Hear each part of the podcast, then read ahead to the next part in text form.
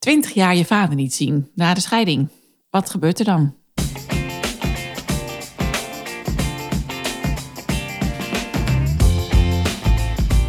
Hey, fijn dat je luistert naar de Scheidpodcast. Ik ben Carly Timmerman van Bureau Carbon, host voor gezinsvriendelijk scheiden. En ik ben Anneke de Groot, bedenker van gezinsvriendelijk scheiden en de grote vriendelijke bemoeial voor alle gezinnen. We nemen je mee in de wereld van fabels, feiten, statements en informatie als het gaat over scheidingen of uit elkaar gaan. Welkom.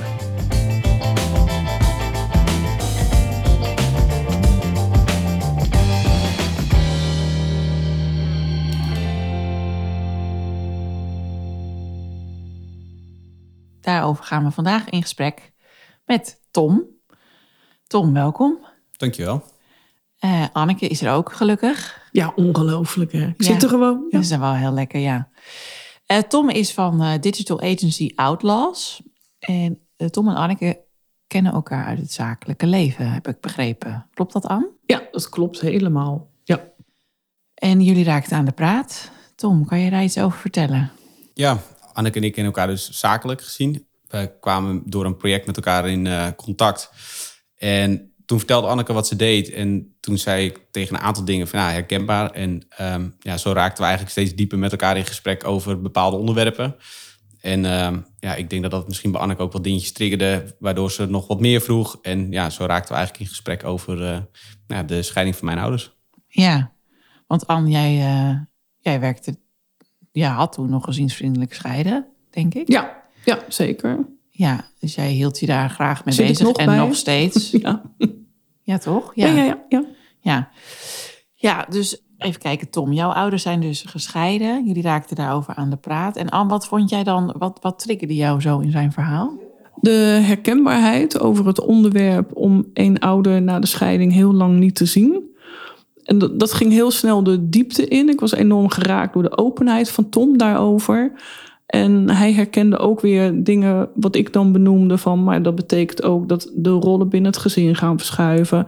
Eh, je krijgt andere taken als kind. Je kan eigenlijk niet meer kind zijn.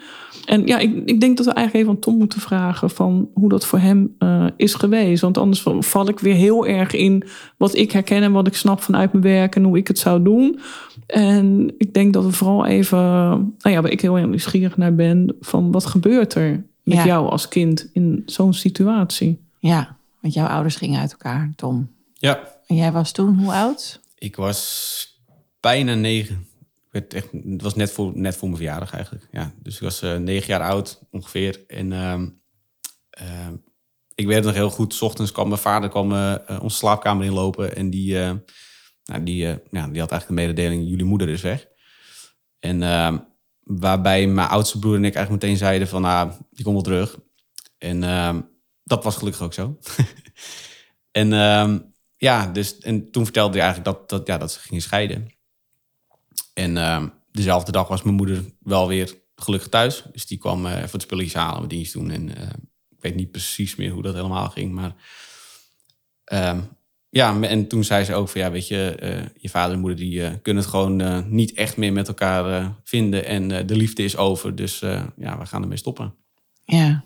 En voor die tijd merkte je daar toen ook al iets van? Van spanningen in huis? Goeie vraag. Ehm, nee, niet echt, denk ik. Misschien was ik daar nog te jong voor of was ik daar niet bewust mee bezig. Maar ik had niet zoiets dat ik dacht van... hé, hey, ze hebben veel ruzie of nou ja, de, de clichés die je vaak een beetje hoort. Ehm, dat had ik eigenlijk helemaal niet, nee. Oké, dus het kwam ook onverwachts. Ja, het was voor mij wel even dat ik dacht... huh, oké, ik wist niet eens dat, je, dat mensen konden scheiden, zeg maar. Oh, dat, ja. dat-. Dus het was voor mij heel raar dat, dat, dat dan een keer je vader binnenkomt lopen en zegt... ja, je, je moeder zegt, huh, oh, kan dat? Ja, dat kan dus. Ja, dus dat was wel eh, ja, apart om, eh, om te horen. Ja. En wat gebeurde er daarna? Want toen, je ouders gingen uit elkaar. Ja, het raakte echt een beetje een stroomversnelling.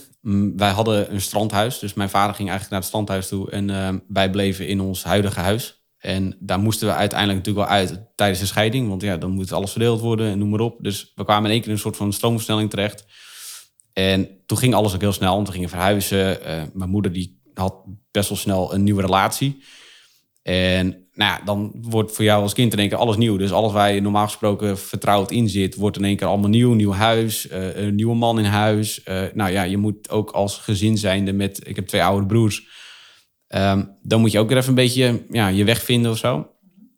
En vervolgens zijn we nog een keer verhuisd. En ik woonde altijd uh, nou, daar 30 kilometer vanaf. Maar ja, we gingen in één keer ook naar een heel andere plaats toe. Dus nieuwe vriendjes, een nieuwe omgeving. dus eigenlijk alles waar je uit vandaan komt is in één keer weg. En toen werd mijn moeder ook nog ziek. Dus die was toen vervolgens ook best wel veel in het ziekenhuis en veel afwezig. En vooral bezig ook met de gezondheid. Wat natuurlijk helemaal logisch is. En ja, dat, dan, dan kom je er in één keer met je twee broers wel voor je gevoel soms een beetje alleen voor te staan. Ja. En uh, mijn ouders gingen ook niet echt op een hele leuke manier uit elkaar. Dus mijn vader was toen eigenlijk al, dat wij gingen verhuizen, was hij gelijk eigenlijk al een soort van uit beeld. In de tussentijd wel superveel gebeurd. We hebben omgangsregelingen gehad, dus met, om te kijken of dat werkte. Want mijn ouders die konden elkaar echt niet luchten. En uiteindelijk heeft dat ook niet echt gewerkt. Dus uiteindelijk is het hele contact toen verbroken. Ja. Met je vader dus. Ja, ja. En kun je beschrijven wat dat op dat moment met jou deed? Had jij in de gaten van, nou, ik, ik ga mijn vader vanaf nu heel lang niet zien? Nee, nee. Ehm, je bent natuurlijk super jong en, en eigenlijk alles wat je moeder op dat moment tegen je zegt, neem je eigenlijk aan voor waarheid. Dus en, en je bent denk ik ook nog niet op een leeftijd waar je erover na gaat denken van, hé, hey, wat gebeurt hier nou eigenlijk? Of hoe zit het nou eigenlijk echt in elkaar? Ja. Dus ja, het was wel een beetje een soort van ja, het, er waren gewoon best wel wat akkefietjes uh, tussen mijn ouders. En wat ik merkte is dat ik was er eigenlijk niet mee bezig. Want ja, je moeder is op dat moment even je leading persoon in je leven. Dus die zei gewoon dat mijn vader eigenlijk een soort van boeman was. En ja, dat neem je dan aan voor waarheid.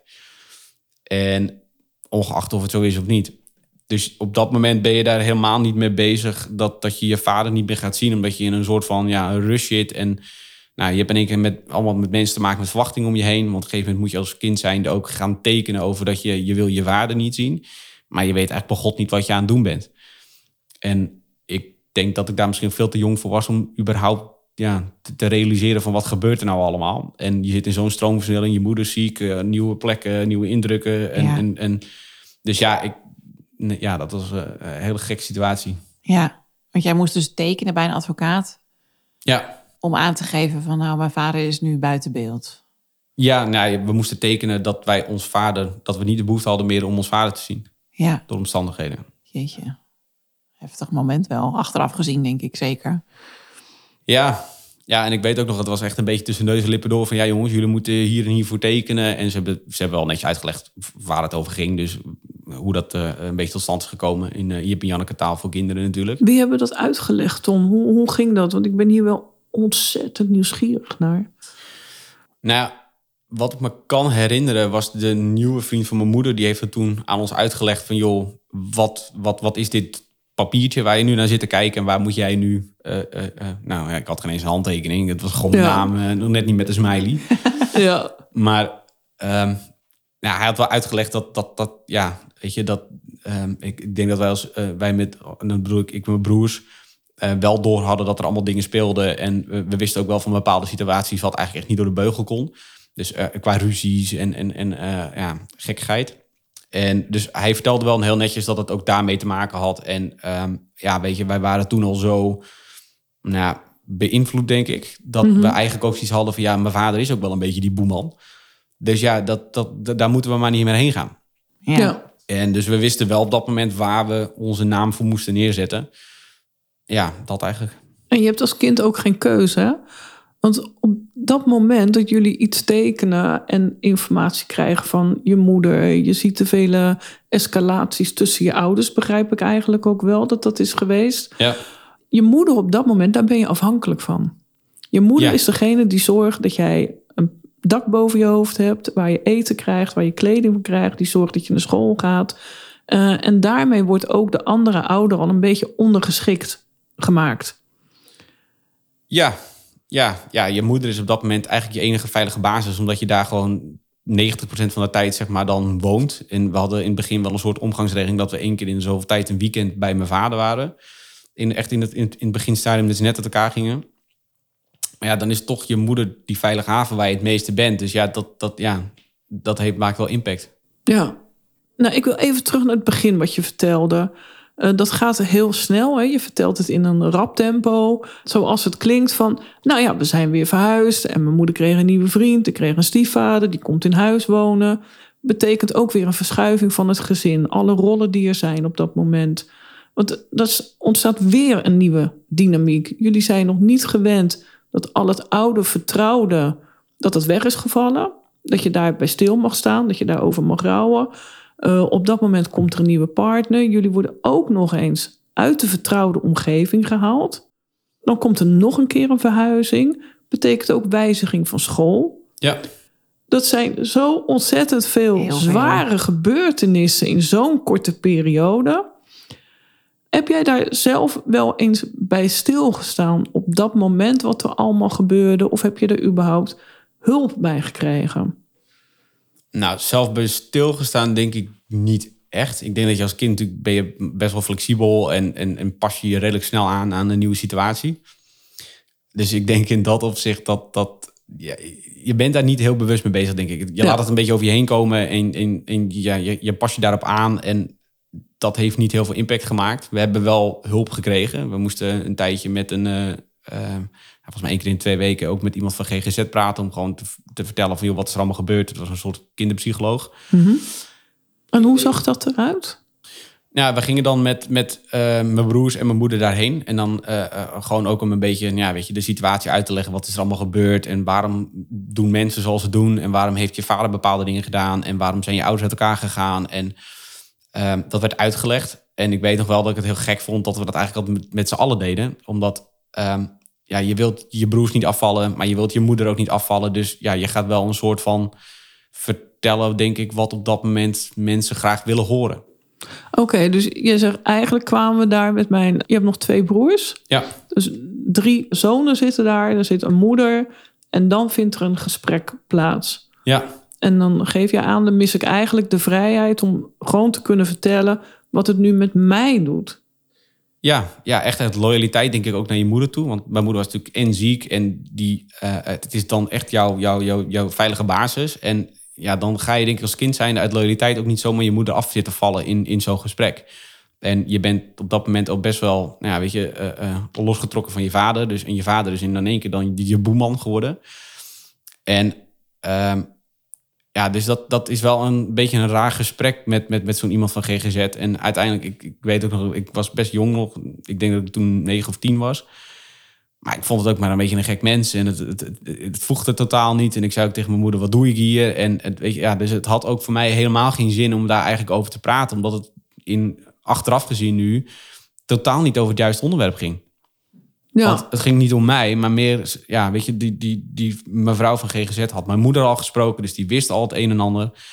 En dus ja, dan ben je ook wel misschien een beetje gekleurd. Ja. Dus het ging meer over die situatie dan dat het over mij ging. En dat vond ik achter, achteraf gezien, vind ik dat gewoon heel bijzonder dat dat eigenlijk zo is gelopen. Ja. ja. Nou, dat is natuurlijk ook heel bijzonder, want je gaat een gesprek aan met vier verschillende mensen. Jullie komen wel dan uit één gezin, maar jullie zijn toch allemaal verschillend. Iedereen heeft zijn eigen normen en waarden. En ieder zit er ook met zijn eigen gevoel en eigen pijn en verlies. En dan zal het toch heel duidelijk moeten zijn voor jullie alle vier.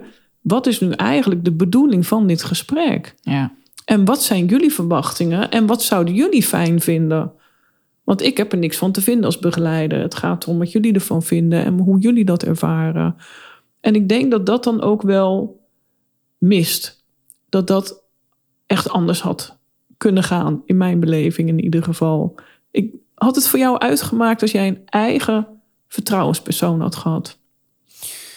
Dat is misschien nu lastig te zeggen, maar. Nou, ik, ik denk dat wel, maar um, de vraag is, zeg maar, had ik dan alsnog die link gelegd dat ik me echt vertrouwd voelde om alles te kunnen zeggen? Ongeacht dat je die. En, en kan je dan die loyaliteit naar je moeder loslaten op dat moment? Ik, die vraag kan ik niet beantwoorden, want dat, dat weet ik niet. Mhm.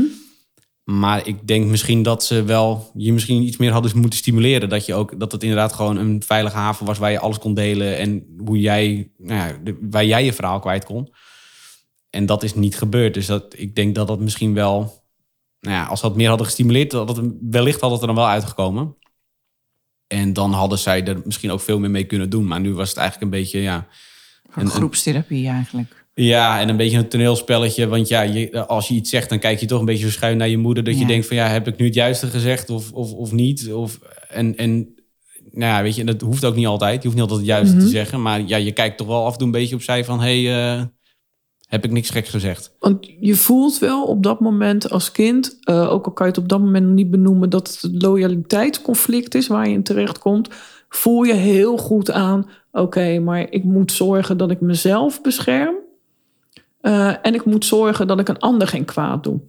Ja, en, en ook misschien wel je broers en je moeder beschermen. Dus het Ja. werd gegeven moment ook wel, eh, misschien een beetje overdreven gezegd... maar het werd bijna een sport om mijn vader op die plek te zetten... en de boeman te laten zijn. Ja, En, en ehm, eh, het verhaal kracht bij te zetten doordat je zegt, weet je, ja, dat klopt en mijn moeder heeft gelijk. Eh, dan dat je er gaat afvallen in zo'n gesprek. Dus ik denk in dat opzicht dat, ja, je bent wel als kind zijnde heel snel gekleurd en, en, en ga je mee ergens in, terwijl je achteraf en op dat moment ook totaal niet weet wat je eigenlijk aan het doen bent. Ja. ja, en je bent ook heel beïnvloedbaar, hè? zeker Ja. op die leeftijd. Ja, Ja, en ik geloof ook echt dat dat, dat ten alle tijde iemand altijd de beste intenties daarbij heeft. Dus je moeder doet het ook niet kwaadwillig en, en, en je vader doet ook dingen niet kwaadwillig. Alleen ik denk dat als, je er, als ik er nu naar kijk, dan, dan zaten zij in zo'n bepaalde emotie en, en vooral met elkaar in conclaaf. Dat niet altijd, denk ik, de, de, de focus altijd heeft gelegen op de kinderen. Terwijl ze dat voor hun gevoel waarschijnlijk wel hebben gedaan. Ja, zij vinden dat wel. Dat, dat hoor ik ook wel van heel veel ouders. Ja. Dat is echt een hele harde overtuiging die er is. Terwijl ze dat op dat moment niet kunnen. En ik denk daarom dat het zo belangrijk is dat ouders ook apart begeleiding daarin krijgen. Om los te komen van elkaar als liefdespartner. Je blijft wel ouder. En dat ze daar ook wel echt de educatie in nodig hebben. Van, hé, maar hoe werkt dat nu? Wat gebeurt er nu? En ja, moet dit allemaal zo snel? Want het is ongelooflijk ook, ik denk voor jou als kind, dat ja, je vader gaat de deur uit, er komt een nieuwe partner binnen, je gaat verhuizen. Dat, dat, dat is niet eens te overzien, daar kan je niet eens weer bij stilstaan. En soms kan het zo groot zijn, het verlies, dat je daardoor ook een overlevingsstrategie gaat ontwikkelen. Ja, zeker. Want welke invloed heeft dat bij jou gehad op het moment dat je wat ouder werd en misschien met iets meer afstand kan kijken naar de situatie? Nou, ik merkte wel dat, dat ehm, je gaat inderdaad wel een, een, een overlevingsmechanisme creëren en ontwikkelen. Dus je gaat eh, op bepaalde vlakken om meer aandacht vragen. Of, eh, en de ander wordt misschien wat onzekerder. Of, en, en iedereen denk ik dat dat is voor iedereen anders. Ehm, maar ik was bijvoorbeeld op de middelbare school en op de, de basisschool was ik de grote clown van de klas. En was ik alleen maar bezig met eh, kijk mij, kijk mij. Ik ben er ook nog. En ehm, dus ja, je was, ik was wel veel aandacht aan het vragen. En vervolgens. Als een eh, soort compensatie, want je zegt van, jee, ik ben er ook nog. Ja, kijk, ik denk dat mijn ouders, of in ieder geval in dit geval mijn moeder en, en toen haar vriend, ehm, echt wel hun best deden op hun manier om mij ook de aandacht te geven. Maar er speelden zoveel dingen omheen. Eh, mijn moeder die ziek was, scheiding, een nieuw huis. Eh, eh, mijn moeder die moest ook in één keer gaan werken en gaan doen. En, dus daar speelde zoveel dat ze, denk ik, echt heel hard hun best ervoor hebben gedaan. Alleen jij als kind kan andere behoeftes hebben. En mijn broers hadden ook weer andere behoeftes dan ik dat had. Ja. En ik denk niet dat daar, daar werd ook niet echt over gesproken. En ehm, eh, ja, dus ik ging op een negatieve manier aandacht vragen in, in, in, in mijn omgeving. Dus bijvoorbeeld op een school of, of weet ik veel wat. En ik was altijd de pretletter en altijd de, de, de gek. En dan stond ik weer te zitten dansen op een stoel of op een... eh, ja, ik ik- eigenlijk deed je bijna alles voor aandacht. Ik wist wel heel goed mijn grenzen. Ik ging er nooit overheen als in dat ik eh, gekke dingen deed. Maar ik zocht de grenzen altijd wel op om die aandacht maar te krijgen. Ja. Ja, ja. Dus dat was jouw overlevingsstrategie. Ja, om, ja, ik denk ook wel om te bewijzen van joh, ik, ik doe er toe en ik wil er graag bij horen. En je zocht wel ja, bepaalde warmte en, en connectie, denk ik, met, met anderen op die manier. Ja. En waren er meer van dat soort dingen waarvan je achteraf denkt, nou ja, dat gedrag heb ik toen ontwikkeld, mogelijk naar aanleiding van alle gebeurtenissen? Ehm, lastige vraag, want het kan natuurlijk ook zijn dat het gewoon in het aard van het beestje zit. Of, of ja, is het dan echt ontwikkeld door zo'n situatie? Ik denk in de basis wel dat je een aantal dingen mist. Bijvoorbeeld, ik heb natuurlijk echt een hele grote periode in mijn leven eh, geen vaderfiguur gehad. En mm, nou, af en toe wel dan de vriend van mijn moeder, maar ja, dat is toch anders. ik denk dat het toch heel anders is dan je eigen vader. Dus ja, je hebt dan wel een soort vaderfiguur gemist in je, in, in je jeugd. Waardoor Mhm. je, eh, ik weet nog heel goed, ik heb nu een relatie. En, en dan zag ik de vader van mijn vriendin bijvoorbeeld met haar broertje knuffelen. Of, of, of grapjes maken en een beetje stoeien en doen en zo. En toen dacht ik, oh, dat vind ik gek. Vind ik raar. Oh ja. Ik kon dat gewoon niet echt een plek geven of plaats of zo. Of dat ik dacht van, nou, doe even normaal, weet je wel. Of als een man je een knuffel wil geven of zo. Dat ik dacht van, eh, doe, dat hoeft voor mij niet. Ongemakkelijk. Ja, En ook onnatuurlijk. Ja, het voelde vooral onnatuurlijk. Het was niet per se ongemakkelijk, denk ik, maar gewoon heel Ja. onnatuurlijk. Dat je dacht van, huh? ja, eh, eh, hoort dat zo of zo? Of is dat normaal? Weet je wel? Dat, dat, ja, dat, dat, dat, daar weet je wel door getriggerd, ja. Ja. Ja, ik vind sowieso... Jullie hebben een heel mooi gesprek, hè, dus ik hou even verder mijn mond. Want het is gewoon... eh, maar Anne, ga verder. Nou, dan, ik, oh, ik, er gaan echt duizenden belletjes bij mij af. Eh, maar ik zou nog even terug willen, Tom, naar jou. Van dat je zegt van, nou, ik kreeg een relatie. Eh, dan gebeurt er bij jou ook weer wat. Dan Ja. verandert ook weer je rol. Want op dat moment word jij partner van iemand. Ja, ja en Hoe ik was weet, dat? Ja dat, ik moet zeggen dat daar heb ik weinig. Nou ja, dat, is- niet helemaal waar. Ehm, wat ik merkte is dat ik bijvoorbeeld in mijn relatie in het begin wel veel aan het pleasen was. Dus om weer te compenseren of iets of, of, of een bepaalde veiligheid en bevestiging te zoeken, ben je heel erg aan het pleasen. En dat stond op een gegeven moment, ja, dat, dat, dat, dat, dat kost veel energie. Dat gaat op een gegeven moment ook je relatie in de weg staan. En want je, het is niet echt gedrag, want het is het gedrag wat jij denkt op dat moment dat je moet vertonen. Ja. Ja, het is ook onnatuurlijk. Ja, en dat kost super veel energie daardoor ook. En het is, ja, je gaat eigenlijk verder weg van jezelf. Dus dat, dat, dat is, ja, het werkt er eigenlijk alleen maar tegen. Maar op dat moment lijkt het net alsof je dat moet doen of zoiets in die richting. En daar heb ik ook echt wel bij mezelf aan moeten werken om dat gewoon niet meer te doen. Omdat, eh, en gewoon lekker mezelf te zijn en, en, en ehm, de echte Tom te laten zien, om het zo te zeggen. En ik denk dat dat ook wel komt omdat je eh, eh, bij ons die rollen in het hele gezin natuurlijk ook veranderen door een verhuizing, nieuw man in huis en noem maar op. En, en ik weet nog wel dat er echt wel momenten waren dat ik mijn moeder liep te vertellen wat ze even moest doen en hoe ze het moest doen. Omdat gewoon die hele structuur eruit kwijt is en, en je ook je moeder weer probeert te pleasen op bepaalde gebieden. Omdat ja, ze kwam er ook wel weer alleen voor te staan. Dus je gaat voor haar opnemen, je gaat bepaalde dingen proberen te regelen voor haar. Want ik denk dat ze als kind en als, nou ja, nu nog steeds denk ik, maar eh, ik ben best wel oplossingsgericht. Dus als iemand Ja. een probleem heeft, dan wil ik het liefst gelijk alles aanpakken om iemand zijn probleem op te lossen. Dat vind ik heerlijk. Alleen daardoor ga je dus, heb je, ja, is je valkuil misschien wel dat je daardoor ook mensen gaat pleasen. En ehm, dat is in, denk ik, die, zowel naar mijn moeder heel lang geweest. Want ik deed Mhm. alles er ook wel weer voor om mijn moeder te helpen en te doen. Maar dat was in het begin van mijn relatie ook wel een beetje zo. Dat ik dacht, ja, eh, is dit nou echt handig? En, en word ik hier zelf nou echt gelukkig van? En eh, gelukkig eh, heb ik daar wat aan kunnen doen. En ben ik mezelf gaan ontwikkelen om daar gewoon nou ja, wat meer in mijn eigen kracht te gaan staan. En dat heeft me daardoor super geholpen. Maar ja, dat, dat moet je maar wel even doen. Nou ja, wel even doen. Het is natuurlijk wel een enorme oerkracht van jezelf die je aanspreekt. Om naar jezelf te kunnen kijken als mens. En ook te zeggen van, hé, hey, wacht even. Wil ik dit ook nog als ik straks 50 of 60 ben? Het gedrag wat ik nu zie van mezelf. Wil ik op deze manier eh, het leven verder in blijven gaan? En dat betekent dat je gaat zoeken of het, het antwoord is ja of het is nee. Er zit niets tussen. En op het moment dat het antwoord voor jou nee is geweest, van nee, maar zo wil ik niet blijven zoals ik nu ben, eh, zit daar natuurlijk heel veel geschiedenis achter, alles wat er is gebeurd. En op het moment dat je dan besluit van oké, maar ik ga hier aan werken, dat is natuurlijk al heel bijzonder. En ik denk dat dat ook wel mooi juist is om mee te geven dat je jezelf altijd kan verbeteren. Dat je zelf ook altijd kan kijken hoe kan ik uit de situatie komen. Er zijn heel veel dingen gebeurd. Er zijn veel dingen die overkomen je. En jij hebt ook, wat even voorgesprek voordat we de podcast op gingen nemen. En toen zei je, nou, ik heb een enorme allergie voor een slachtofferrol. Ja. Eh, ja, nou ja, dat, herken ik wel. Dan krijg ik ook echt vlekken van in mijn nek. En soms denk ik, kunnen mensen niet anders? Omdat het soms ook bevestigd wordt door de omgeving. En ze worden daarin meegenomen. En ze verzwelgen er bijna in. En dan roept uh, Carly gelijk, zwelg je. Mag niet meer. Ja, ik ben Oh, dus van mening van niet. Eh, eh, ik denk, kijk, je, eh, door die situaties ontwikkel je misschien punten waar je minder blij mee bent. Maar je eh, eh, ontwikkelt daardoor ook, denk ik, heel veel goede eh, punten bij jezelf. Mhm. Want daardoor heb ik misschien ook wel een beetje een allergie voor slachtofferrollen. Omdat ik echt wel iets heb ontwikkeld bij mezelf. Waarvan ik zeg van ja, als ik het niet kan, dan zorg ik dat ik het kan. Maar ik wil mezelf kunnen redden. En ik ben van mening, als je iets graag wilt, dan kan het.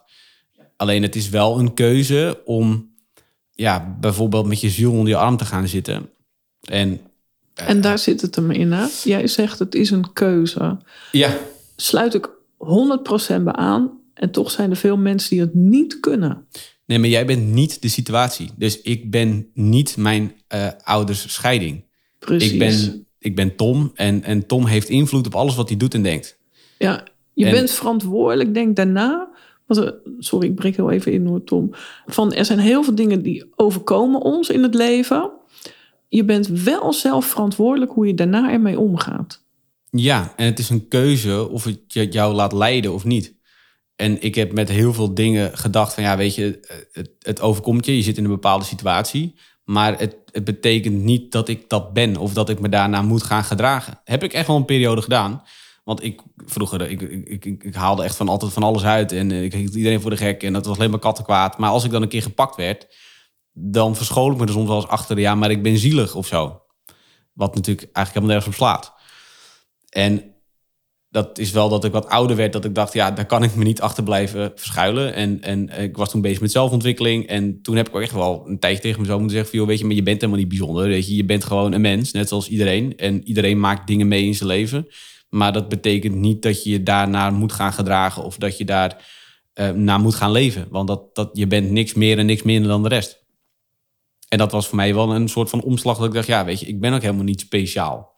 Alleen, ik denk dat dat misschien ook vanuit vroeger, weet je, werd je soms ook wel een beetje verwend op sommige momenten. Of, of werd er wel naar je gekeken als in dat jongetje is zielig, want die heeft kennelijk een, eh, zijn ouders zijn gescheiden, bla, bla, bla.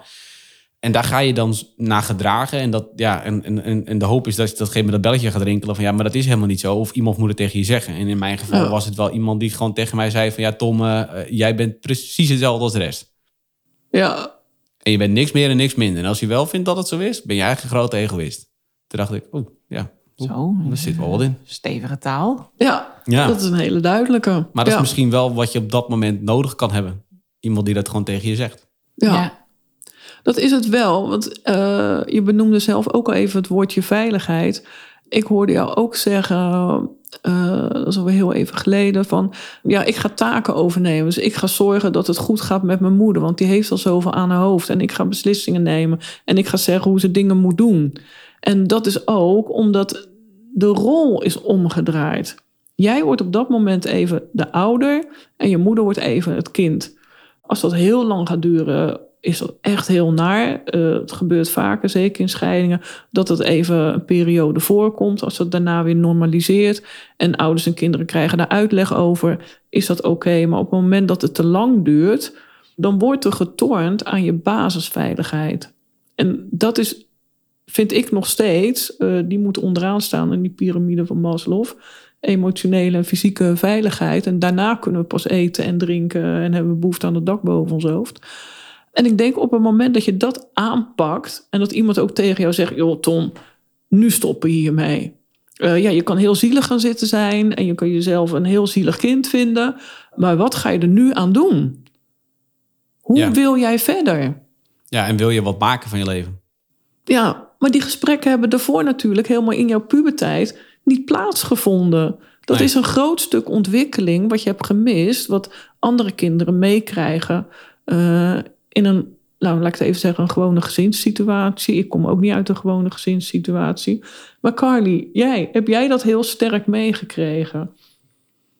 Was dat bij jou heel anders thuis? Dat je zelf iets moet maken van je leven. Dat je Ja, maar ook dat je gestimuleerd werd.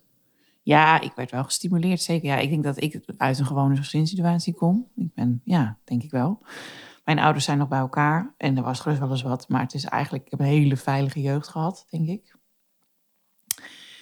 En dat heb ik ook wel meegekregen. Maar ook, ik heb ook later op latere leeftijd wel gedacht... goh, er is nog wel wat eh, verbetering te behalen in wie ik ben. En dat, dat doe je dan uiteindelijk Ja. ook zelf. Dus ik denk dat dat wel altijd blijft.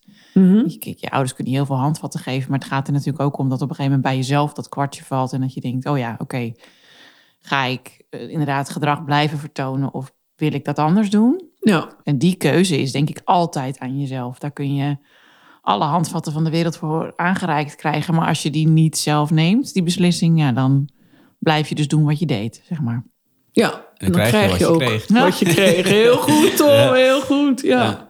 Ja, en, Misschien, en misschien is dat het verschil ook wel. Kijk, omdat je misschien niet altijd zo'n vaderfiguur hebt gehad in je leven. En, en ik denk over het algemeen dat een vaderfiguur wel degene is die dan tegen je zegt: Kom op, joh, heb gas erop, niet zo aanstellen, eh, schouders eronder. En als het je niet bevalt, ga je er wat aan doen. En dat doet misschien een moeder, ieder geval mijn moeder, doet dat minder snel. Dus ik heb dat misschien ook te weinig meegekregen. En op dat moment, Ja. eh, ik merkte bijvoorbeeld ook wel dat als bijvoorbeeld een dominante man in mijn omgeving was, ja, had ik daar echt super veel moeite mee. Dan dacht ik echt van, eh dan ging ik het proberen boven te staan. Dan ging ik nog dominanter proberen te zijn, weet je wel. Maar, maar dat was een soort van battle. Maar Ja. als diegene mij ergens op aansprak, dan kwam dat ik echt in een of andere kraterslag. En dan was ik daar gewoon zo van van de rel. Ja, Omdat je dat dus in totaal niet gewend bent. ja, ja. En dat kan je ook echt niet handelen op dat moment. Daar kan je Nee. niet mee omgaan. Nee. Nee, omdat Ja. het zo anders is dan wat je kent. Ja, absoluut. Mag ik Ja. vragen wie dat tegen jou zei? Die tegen jou zei van, joh, eh, Tom, eh, Ja, dat mag je zeker vragen. Dat was eh, eh, met een van mijn NLP-trainingen. Dat was eh, Herman. En dat was eh, degene die die, die trainingen gaf. En hij was eigenlijk de eerste die dat zo concreet tegen mij zei. Die dat echt durfde te benoemen. Ja, ja en daar ben ik hem ook nog steeds super dankbaar voor. En ik spreek hem af en toe nog steeds wel eens. Terwijl het echt, eh, denk ik, ondertussen alweer eh een jaar of eh, acht, negen geleden is dat ik die cursus heb gevolgd. Maar ja, op een of andere manier had ik wel zo'n zo, zo'n klik met hem. En ben ik hem daar zo dankbaar voor dat je ook nog wel een soort elkaar af en daardoor opzoekt of zo. Ja, Ja, mooi. Ja, Nou ja, en je vriendin zal, zal hem daar ook dankbaar voor zijn, denk ik. Jazeker, ja. ja, maar, ja. Ik denk iedereen in mijn omgeving Ja. indirect wel. Ja. Ja. Ja, ja absoluut. Eh, maar Tom, als het nog een stapje verder gaat. Je hebt een, eh, inmiddels een paar jaar al een relatie. Is er toen nog bij jou iets veranderd? Dat je anders bent gaan kijken van... Oké, nu zie ik zelf wat de dynamiek kan zijn hè, tussen twee liefdespartners. Want dan Ja. ben je even niet meer het kind, maar je bent de liefdespartner van je vriendin. Zijn er toen nog bij jou dingen veranderd? Of Nou, kwamen er andere behoeftes? niet zo, ik, ik, weet niet of dat zozeer in, in, in of je dat terugziet in mijn relatie of, of, Mhm. of in, in, in vriendschap om me heen of iets in de richting. Maar ik denk dat de essentie voornamelijk bij mezelf heeft gelegen, omdat ik zelf dus in bepaalde situaties anders deed of me anders voordeed. En daardoor ook bepaald gedrag terugkreeg. En ehm, doordat ik echt met mezelf aan de gang ben gegaan om zelf gewoon wat meer rust en eh, wat meer in mijn eigen kracht te gaan staan, merkte ik dat daardoor eigenlijk alles in mijn omgeving ook begon te veranderen. ja, En daar ben ik altijd wel een fan van, is dat verandering begint altijd wel bij jezelf. Dus als je iets wil veranderen, dan kan je naar iemand gaan wijzen. Maar je doet zelf Zinloos. ook iets om dat, ja, Ja. om dat gedrag op te roepen. Dus ik ben altijd wel zoiets van, ja, ik kijk voornamelijk ook bij mezelf. En kennelijk heb ik daar dan iets in te verbeteren om die situatie te gaan veranderen. En ja, dat is altijd wel een beetje mijn motto geweest. Dus ik ben voornamelijk gewoon met mezelf aan de slag gegaan, zodat ik me prettig voel bij mezelf. En dat ik denk van, oké, weet je, ik, ik, ik ben blij met wie ik ben en ik ben blij hoe ik ben. En daardoor is er inderdaad in mijn omgeving wel heel veel veranderd, ja. Ja, En wat is er dan veranderd? Nou, ik denk dat ik vroeger bijvoorbeeld nog wel echt een, een soort bewijsdrangetje had, wat soms ongezond was. Dus dan was ik zo bezig met bevestiging zoeken bij anderen en, en dat je ertoe wilde doen. Dat dat, en dat is nu echt in veel mindere mate zo. Daardoor ben ik bijvoorbeeld denk ik wel een stuk oprechter geworden en een stuk relaxter in bepaalde dingen. En eh, daardoor heeft juist eigenlijk ook me, in mijn werk heeft dat ook wel weer zijn voordelen meegebracht. Want ik werkte toen nog gewoon in loondienst en eh, eh, volgens mij toen bij KPN. En doordat ik denk ik ook steeds meer mezelf ben gaan worden, ben ik ook steeds er beter achter gekomen. Wat vind ik nou echt leuk en waar krijg ik energie van? En ja, dat is eigenlijk gewoon ja, supergoed gegaan. Waardoor ik nu ook een eigen bedrijf heb wat supergoed loopt.